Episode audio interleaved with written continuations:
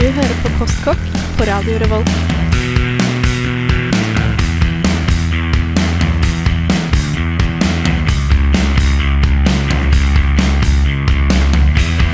Mm, postkokk.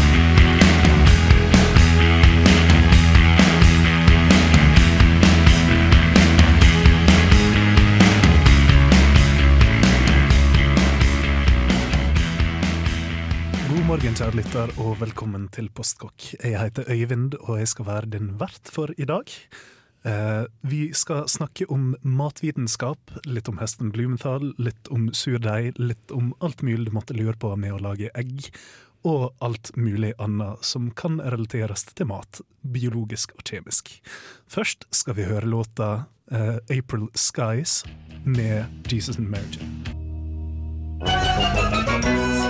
Jeg har egentlig bare levd på pasta og rosiner. Onsdagen må begynne å gå skikkelig godt. Spist siden sist. Velkommen tilbake til oss her i Postkokk på Radio Revolt. Som du hørte, så skal vi nå ha spalten Spist siden sist, der vi enkelt og greit snakker om hva vi har spist av spennende mat siden sist vi hadde sending. Med meg i studio nå har jeg dessverre kun Rakel, men for all del, hun er i godt selskap, hun også. Hei, Rakel.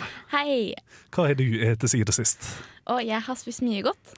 eh, men jeg kan ta to ting som jeg har spist siden sist. Mm. Som jeg har vært veldig fornøyd med. Eh, jeg lagde bøff bourguignon her om dagen fordi jeg plutselig fikk mye ekstra penger og bestemte meg for å kjøpe litt godt kjøtt og lage meg noe skikkelig godt. Mm.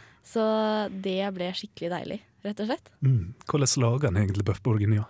Og man eh, tar litt godt kjøtt, om man har råd til det, eh, og, og steker det litt. Og så lar man det trekke i buljong eller kraft, da, helst kjøttkraft. Jeg brukte grønnsakskraft, og det ble også veldig godt. Mm. Og rødvin og, eh, over lang tid. Mm. Eh, og ha litt grønnsaker og det man har lyst til oppi. Mm. Eh, og det blir kjempegodt. Kan du se for meg. Ja, veldig, veldig godt. Mm. Eh, og så har jeg også laget et surdeigsbrød, som jeg ble veldig fornøyd med. Fordi mm. jeg eh, har prøvd meg i det siste på å lage en surdeig som jeg ikke har gitt navn. Så hvis det er noen som har et godt navn, så er det bare å skrike ut. Eh, og jeg lagde surdeigsbrød som ble også veldig, veldig godt. Så jeg er veldig fornøyd med egen eh, kokkelering denne uka. Svært bra. Ja, send oss gjerne en mail med forslag til navnet navn på surdeiga til Rakel. Eh, ja, sjøl så har jeg uh, laga en veldig enkel sørstatsrett denne veka. Det er det mest spennende jeg beveger meg inn i. Uh, det er såkalla pan-fried chicken. Og da ligger det litt i navnet. Det er kylling som er steikt i panne på høy varme. Den har vært eh, veldig fin og crispy og utrolig god. Eh, dette er da riktignok uh, kylling rå, Helt rå kylling. Og da gikk jeg for stangevarianten, ettersom jeg ikke er en kødd som heter industrikylling og ødelegger miljøet. Yes. Eh. Videre i sendinga nå skal vi prate litt om hva for noe matvitenskap er. Vi skal få høre litt mer om surdeiger. Eh, og vi skal også snakke litt om hesten Blumenthal, den britiske stjernekokken. Og litt om hva som egentlig skjer når mat blir utsatt for varme. Men først skal du få låta 'Fool's Gold' med The Stone Roses. Du hører på Postkokk. Matvitenskap, food science, molekylær gastronomi. Kjært barn har som kjent mange navn. Men hva er egentlig det her? De fleste ser kanskje på matvitenskap som et veldig svevende konsept. Noe en kun ser på TV når en skal demonstrere den nyeste sovjetmaskinen, eller diskutere ekstremt rare teknikker og fritere chips på. Men kjærligheter, dette er noe som absolutt angår både deg og meg når vi lager mat i hverdagen. For om du tenker deg om, spiller matvitenskap en stadig større rolle i hverdagen vår. Alt ifra Fjordland og Uncle Bens boil-in bag til mat på glass og hermetikkbokser har alle våre framskritt innenfor matvitenskapen. Når jeg nevner ordet matvitenskap, så er det nok ett navn som dukker opp i de fleste sine haud. Hesten Blumenthal, den engelske mesterkokken som har hatt opptil flere program på TV. Som har vært pioner for flere teknikker innenfor matlaging. f.eks. Sovid, som han har brakt opp i mainstreamen, og triple cooked chips. En veldig artig måte å lage den perfekte chipsen på. Så kjære lytter, dersom du vil vite mer om det svært store og breide temaet matvitenskap, vil jeg komme med ei anbefaling. Se TV-programmet til Hesten Blumenthal, og ta det derifra. Enkelt og greit. Du hørte nettopp ei lita forklaring om akkurat hva matvitenskap er for noe. Eh, For meg så har matvitenskap gjerne vært litt sånn på sidelinja. Jeg har vært veldig glad i å lage mat, men jeg har ikke alltid vært slett like interessert i mekanismene bak det. Eh, Men etter hvert så har jeg begynt å få litt opp øynene for at mat tross alt er en, veldig stor samling av ja, kjemiske prosesser, biologiske prosesser, masse endring og masse spennende saker. Men du Rakel, hva du har tenkt at matvitenskap er vært? Jeg tenkte at det var på en måte en mer sånn eh, kjemisk greie, da. Med matvitenskap så tenkte jeg med en gang på sånn molekylær gastronomi. Mm. Ja. Um, men det er jo egentlig alt, Mm. har jeg skjønt. Uh, matvitenskap er jo alt som skjer, da. Fra du, når du lager en bøff bourguignon, eh, når du Mm. bruker en surdeig i en deig. Mm. Eh, og ja, alle de kjemiske prosessene. Og det er jo faktisk veldig spennende Mm. man begynner å se på det sånn. Ja, ja, absolutt. Alle vurderingene med hva som skjer med maten når den steikes i forhold til når den kokes og alt mulig sånt. Mm. Det er et ganske stort felt egentlig å ta tak i dette der. Ja, nei, men det Mm. er jo veldig Ja, det er jo kjemi. Ja, ikke sant? Vi burde nesten ha med en kjemiker. Nei, Ja. ja. Skulle det. Uh, vi fikk opprinnelig tilbud om å ha med en nanotekniker uh, med oss i studio i dag. Hun kunne dessverre ikke komme, men uh, kanskje vi, det blir en annen gang. Men jeg tror kanskje det hadde blitt litt for spesifikt for oss. Det kan hende. Muligens. Nå skal vi ta og kjøre en låt til. Her skal du få She's Losing It med Bellen Sebastian. Vær så god. Postkokk! Ja, Velkommen tilbake til oss i Postkokk her på Radio Revolt. Du hørte nettopp She's Losing It med Bell and Sebastian. Dagens tema er, som du sikkert har fått med deg nå, matvitenskap. Og Rakel, du har gått litt mer inn på et av de mest populære feltene innenfor akkurat dette temaet, sovid. Hva er egentlig det for noe? Eh, Ja, det er eh, Oversatt så er det under vakuum fra fransk. Eh, og det handler om mat som blir kokt Eller den blir faktisk ikke kokt, det er det som er så rart. Den blir til, altså, varmebehandlet på den temperaturen den skal ha når den er ferdig behandlet. Mm. Eh, og det sier dere kanskje ikke så veldig mye nå. Men jeg skal prøve å forklare hvordan, hvordan det skjer.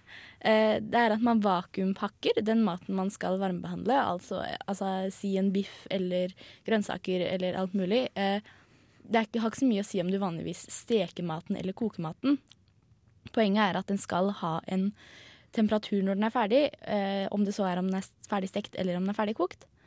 Eh, så hvis du tar en biff da, og så vakuumpakker du den, og så putter du den nedi en sånn sous vide-maskin som holder temperaturen på, på samme graden hele tiden.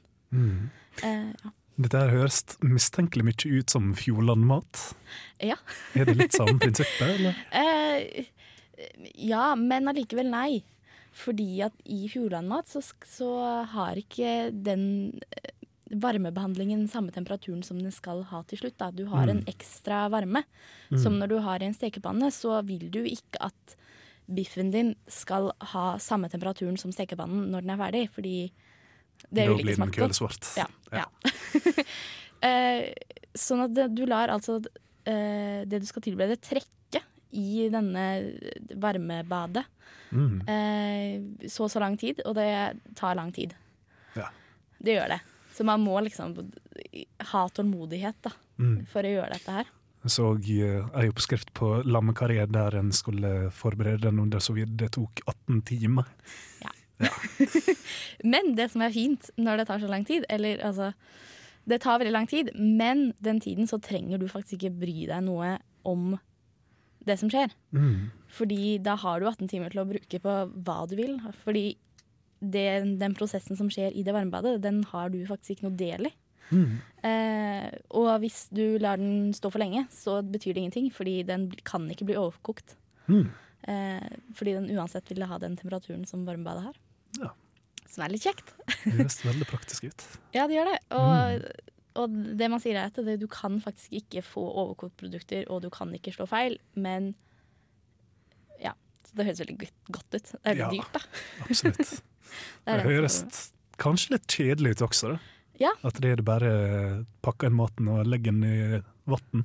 Ja, for du får liksom ikke den eh, La oss si du skal lage fårikål, så får du ikke den lukta. Og den lukta er jo faktisk halve opplevelsen. Ja, absolutt. Eh. Og du får ikke nødvendigvis glede av å tilberede maten like mye heller. Nei. Nei. Litt trist. Det er Men, faktisk litt eh, trist.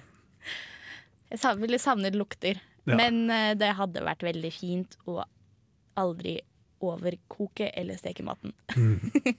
det hender det skjer. Ja, ikke sant. Det er et problem vi alle har vært borti. Because life is an amazing gift when you think about what you get with a basic life.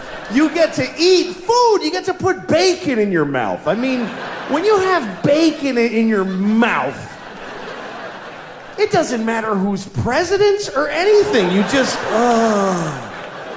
Oh. Postkokk. Vi er alle vært der. Synet av koteletten idet den krøller seg opp på grillen, eller egga som kvitner til og stivner når du knekker deg opp i panna en slapp lørdagsmorgen. Men hva er det egentlig som gjør at det her skjer? Hva kalles prosessen? Jau, det er noe som heter denaturering. For som alt annet organisk og levende, så inneholder egg og kjøtt proteiner. For protein endrer seg nemlig når det blir utsatt for varme eller syrlighet eller andre eksterne faktorer. Proteinet folder seg inn over seg sjøl og blir mindre bøyelig. Det er derfor du ser f.eks. eggehvita blir hvit og hard, eller at kjøttet blir stivt og lite bøyelig. Det finnes selvsagt andre måter ting kan denaturere på. Melk f.eks. kommer til å få ei hinne etter hvert som den surner. Det er også et eksempel på at melkeproteinet denaturerer. Men den vanligste måten, og den måten vi gjerne vil få fram denaturering på, er gjennom varmebehandling. Høye temperaturer framskynder denatureringsprosessen og gjør at f.eks. egga kvitner til. Så tenk på det her neste gang du eter en biff eller koker deg et egg. Du har nettopp fått flere hundrevis av proteiner til å folde seg inn på seg sjøl og sette seg sammen, sånn at akkurat du skal få den faste og fine biffen du setter til livs der og da. Here you will find food for your body, as well as comfort for your troubled mind.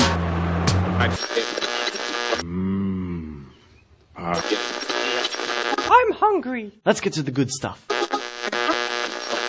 Hør nå, jeg er ikke kokken din. Jeg er ikke kokken din. OK? Vi fikk nettopp låta 'Are You A Hypnotist' med The Flaming Lips her på Postkokk i Radio Revolt. Og nå eh, skal vi snakke litt om kanskje det mest basic med matvitenskap, nemlig varmebehandling. Dette er noe vi driver med hver eneste dag, eh, og alle har sine favoritter og sine egne måter å gjøre det på. Hva er din favoritt, Rakel? Eh, jeg, jeg baker mye ting. Mm. Jeg er veldig glad i rotfrukter, som vi har snakket om tidligere. Og de syns jeg er best bakt. Ovnsbakt. Ovnsbakt, ja. Mm.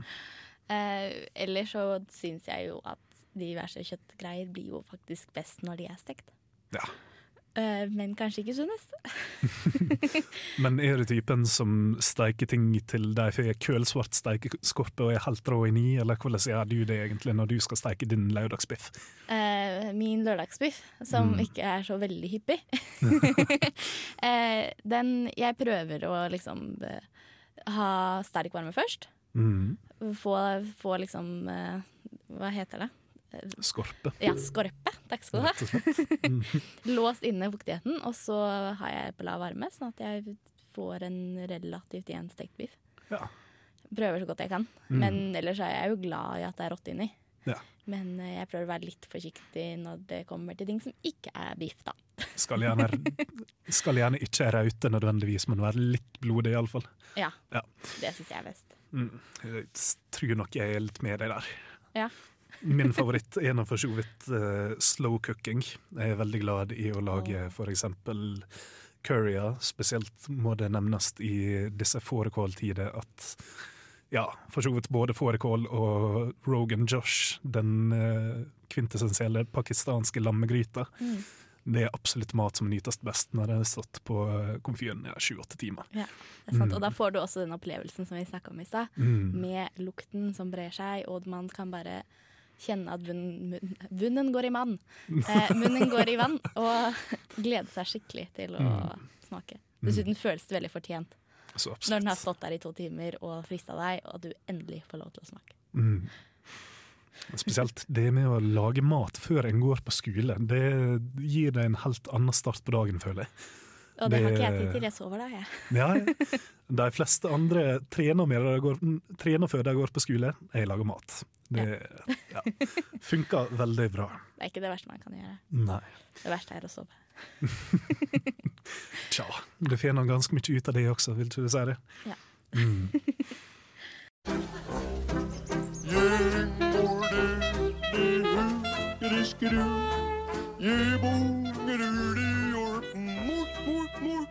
Nå hører du på Postkokk!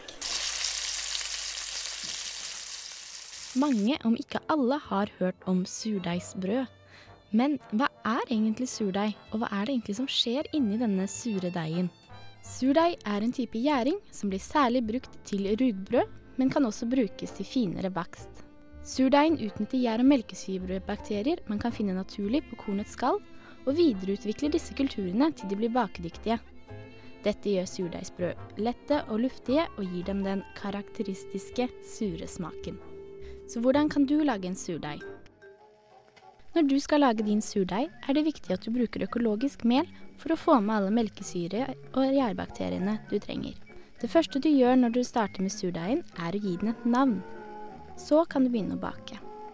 I fødselen til surdeigen gir du den 1,5 dl sammalt økologisk mel, en halv dl fint mel, 2 dl vann og 1 spiseskje salt. De neste to til tre dagene skal du fortsette å gi deigen din en halv dl sammalt økologisk mel, en halv dl fint mel og 1 dl vann. Når deigen din begynner å boble, kan du gå videre til fase to. I denne fasen skal du mate surdeigen to ganger om dagen med 2 dl fint mel og 1 dl vann. Før du tilsetter mel og vannet, tar du vekk mesteparten av deigen. Denne kan du bruke til vafler. Du fortsetter å mate deigen med 2 dl fint mel og 1 dl vann til deigen din har hevet til dobbel størrelse. Nå kan du starte å bake supergode surdeigsbrød. Yes, Der fikk du da ei oppskrift på surdeig av Rakel. Før det hørte du The Cocktail Twins med låta 'Sugar Hiccup'. Eh, men surdeig er noe jeg mener at de aller fleste bør prøve seg på. Sjøl har jeg prøvd meg et par ganger, riktignok ikke med slett så mye hell som jeg skulle ønske jeg hadde. Men det gikk ganske bra for deg, har jeg fått eh, høre. Ja, for meg gikk det veldig bra. Eh, jeg, eller den, den oppfører seg litt rart, da, uh, men uh, den funker. og det er vel det viktigste. Eh, men som sagt så har jeg ikke noe navn på surdeigen min. som egentlig er det man skal gjøre først når man lager en surdeig. Så hvis det er noen som har noen kule navn, vær så snill å si det til meg, fordi den bare står der og er navnløs og veldig trist. Um, ja. Sjøl hadde jeg besøk av ei surdeig nå i sommer ved navn Kjellaug.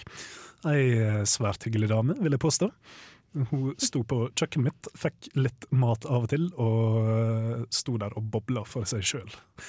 Ganske typisk som Ja, veldig typisk kvinnfolk, vil jeg påstå. Oh, yes. uh, ja. Ja, men Eh, altså. ja, men for det tenkte jeg eh, Det glemte jeg å si i saken. At eh, vi Hvordan man behandler surdeigen etterpå. Mm. Eh, for du sa at dere, dere hadde den på kjøkkenbenken. Eh, men jeg har min i kjøleskapet, og det Mm. kommer litt an på hvor levende du vil ha surdeigen din. Da. Ja. Så varme gjør den mer levende, rett og Mm. slett. Sånn er det. Ja, vi vurderte å sette den ute, men eh, som folk husker, så var sommeren nå ikke særlig på den kjølige sida, eh, så det var litt tips om happ, egentlig. Ja. Skulle kanskje hatt den i kjøleskapet, men eh, det gikk bra, selv om vi måtte kaste ganske mye. Ja, men sånn er det. Ja. Men lagde dere noe brød av den, eller? Nei, Nei. det gjorde vi dessverre ikke. Vi eh, tok kun vare på den. Ja, dere skulle utnytta det litt, da. skulle det, egentlig. Nå skal vi gå over til låta The First Big Weekend av Arab Strap. Eh, og dagens sending er snart over, så du skal også få litt kontaktinformasjon. Hei, kjære postkokk-lytter. Synes du én time med matprat i uken blir litt lite? Fortvil ikke. Her kommer en oppskrift på hvordan å oppnå kontakt. Trinn 1. Om du har spørsmål, utfordringer, forslag eller lignende, send en e-post til mat at radiorevolt.no. Det var mat at radiorevolt.no. Trinn 2. For nyheter, inspirasjon og matrelaterte oppdateringer, følg oss gjerne på Facebook. Søk etter Postkokk i ett ord med én Å og dobbel K. Nytes best ferskt med god internettilkobling på siden. Bon appétit! Du kan også få tak i oss på Facebook og på Twitter eventuelt. Eh, Du finner også oss på Instagram. Søk opp Postkokk eh, på alle tre mediene. Eh, på Instagram heter vi Postkokk med A. Eh, Postkakk, rett og slett. Eh, så følg oss der for oppdateringer på hva vi driver med, og hvordan vi ser ut. Det er et veldig, veldig spennende tema. Um, avslutningsvis så skal vi rett og slett prate litt mer om uh, hva matvitenskap kanskje kan brukes til, nå som vi vet litt mer om hva det er for noe. Har du noen ideer? Eh, eh, hva det kan brukes til eh, ja, hjemme, liksom. Ja. Eh, det kan jo være det å faktisk eksperimentere litt med steketider og koketider og temperaturer og sånne ting, tenker jeg. Eh, I hvert fall etter den å lese så mye om sous vide, tenker jeg. Og, og tenke litt på hvilken temperatur jeg vil ha maten min på, rett og slett. Og Mm. se forskjellig resultat og smake Mm. forskjellig resultat. Mm. Mesterkokken Hesten, som vi hørte om tidligere i sendinga, også har um, noe ganske interessant på gang som heter food pairing, der han har sett litt på hva som eh, hva de forskjellige typene mat består av. Eh, og da har han kommet ut av det med noen veldig artige blandinger, som f.eks. sjokolade og kaviar, eller eh, asparges med lakrisgelé til. Eh, Yes. som visstnok fungerer veldig bra. Så kanskje en kan bruke anledninga til å rett og slett eksperimentere litt med smaker også, ikke bare temperaturer og sånt. Ja. Mm, mm. Jeg er ikke helt sikker på det med sjokoladepålegg og kaviar, men eh, Mm. Salt og søtt, er ikke Ja. det en typisk kombinasjon som fungerer? Jo, jo, kanskje. Det er bare konsistensen, tenker jeg på. Som blir sånn, uh, men eh, det er min mening, da. Ja, Prøv det gjerne. Hvis dere prøver det, si ifra. Mm. Eh, fordi vi vil gjerne høre hvordan det er. Ta det opp. Ja, Vi vil gjerne høre akkurat hva som skjer. akkurat det. Mm. Eh, vi vil også anbefale dere å holde dere på streamen nå, ettersom Nashville, eh, countrymusikkprogrammet, kommer rett etter oss. Eh, ja. Jeg tror de har noe god musikk i dag. Hmm? Jeg tror de har noe god musikk i dag. Som alltid, egentlig. Eh, avslutningsvis så skal vi få låta 'Roads' av Portishead. Vi har vært to stykker i studio i dag. Det har vært meg, Øyvind. Og meg, Rakel. Takk for oss.